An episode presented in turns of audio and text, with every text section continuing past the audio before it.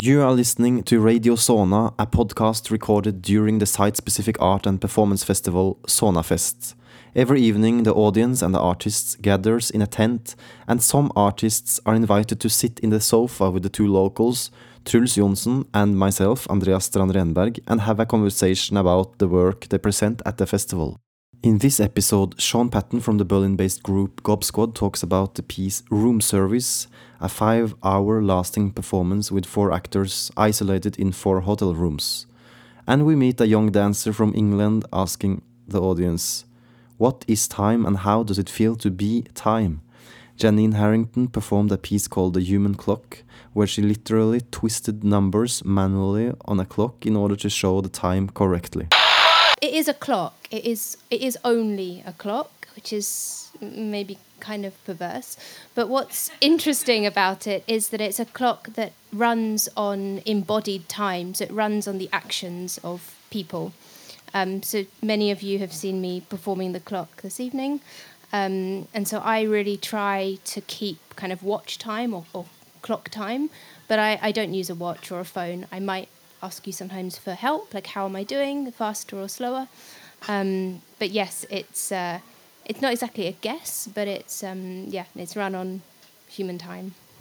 Time and a relationship to time has been interesting to me since I was small. Um, and I, don't know. I'm generally like interested in what how things are structured, and time time is a structure that we share, even if we experience it it differently. And and that's the challenge of, of the work really is to stay consistent even though my mind might go somewhere else. And ideally, you know, I could have a conversation with you and it wouldn't it wouldn't change it. For, for me, I've been doing it for, for a few years now, so it feels kind of normal. It's it's kind of easy most of the time. Although here, where we have it installed, kind of behind the tent, it's a bit windy, um, so that's a challenge because the um, the numbers kind of fly around a bit, so it's it's a bit harder to control. Um, often when people start, they, they feel a bit stressed by the time because often you know we're late. Um, but actually, it's it's just about rhythm. So it's just about this rhythm: one, two, three, four, five, seven, eight, nine. Then you turn two numbers for ten. And so actually, I think of it much more like a dance, and and that's how I experience it. And once that rhythm is kind of installed, and people who learn it start to feel a bit calmer, actually, it's really enjoyable because then you get to look at people who are kind of astounded that you're on time or are enjoying it, or you get to have conversations or ask questions. So I, I find it quite meditative and, and not stressful, mostly quite enjoyable. Sometimes, you know, a minute can feel like 10 minutes.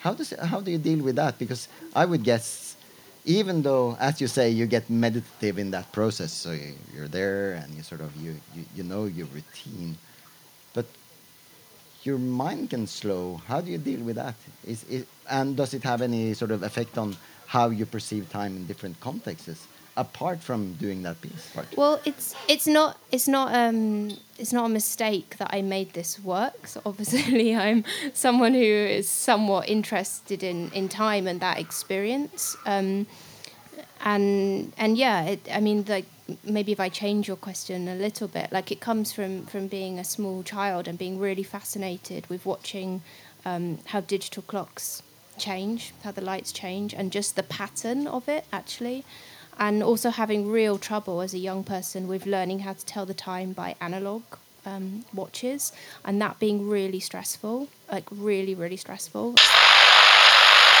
Are you feeling well in the sofa? I'm feeling, yeah, completely relaxed and, and comfortable, as you can see. Uh, welcome to Hølen. Thank you. It's great to be here. Thanks. You came uh, yesterday, no? Yeah, we've uh, been here exactly 24 hours, and it's uh, it's wonderful. We're having a wonderful time. It's funny. We've only been here 24 hours in Hølen, but there's already we noticed such an amazing atmosphere here. You know, it, it seems like a really special place already. I don't only know the names of some of the villagers; I know the names of some of the dogs. You know, and uh, you know, I think all of us who are involved in cultural activity, one reason why we might do so is because we want to bring people together. Um, but I don't feel I think we can learn something from this place rather than the other way around because there's already a very dense social network here which we're very happy to be part of. And I think that's where our piece comes in because like I say it's called room service help me make it through the night. We make ourselves deliberately lonely. We lock ourselves in a hotel room on our own and we need the audience to help us survive this prison of this luxurious prison of the Sauna Spa hotel room. Uh, I think I really look forward to seeing the performance, but I, I would also like to know a bit about about uh, Gob Squad because Okay. I've sort of you know not being in the art scene, uh, I've done a bit of research and uh, I don't think we've ever had any cultural act in Vestby with so many reviews in New York Times.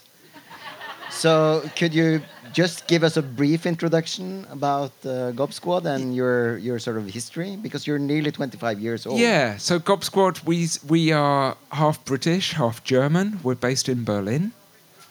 Um, we've been going 25 years. And we started off making things actually in festivals a bit like this, actually. We, we, we're never really that excited to do something in a, in a theatre. So we, our roots, if you like, are making things in public spaces.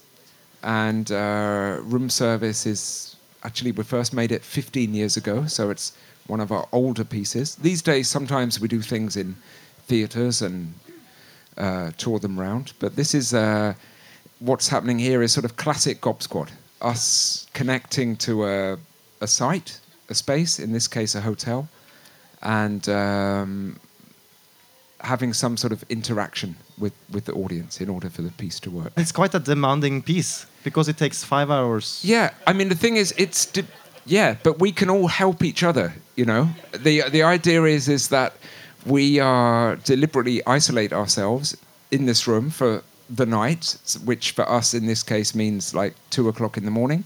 So we'll be there till two. Um, it's demanding in the fact that it's five hours, but we can entertain each other to to get to get through the night.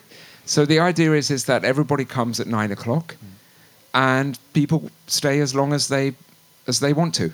You know, they they can go out. They could, I think there's there's definitely some opportunities to get food and drink in between if they want, or, or even a swim. But the idea is that people come at nine and they stay as long as they can, as long as they feel connected to us, uh, as long as they're able. And um, yeah, Has it ever happened that there is nobody left in the end of the performance? yeah, sometimes, sometimes Because you don't see them from the your room. no? we don't know. Yeah, that's it. So the the basic idea of the performance is that there's four performers. Each one is alone in their hotel room, and there's a video camera there, and they have to pass the time.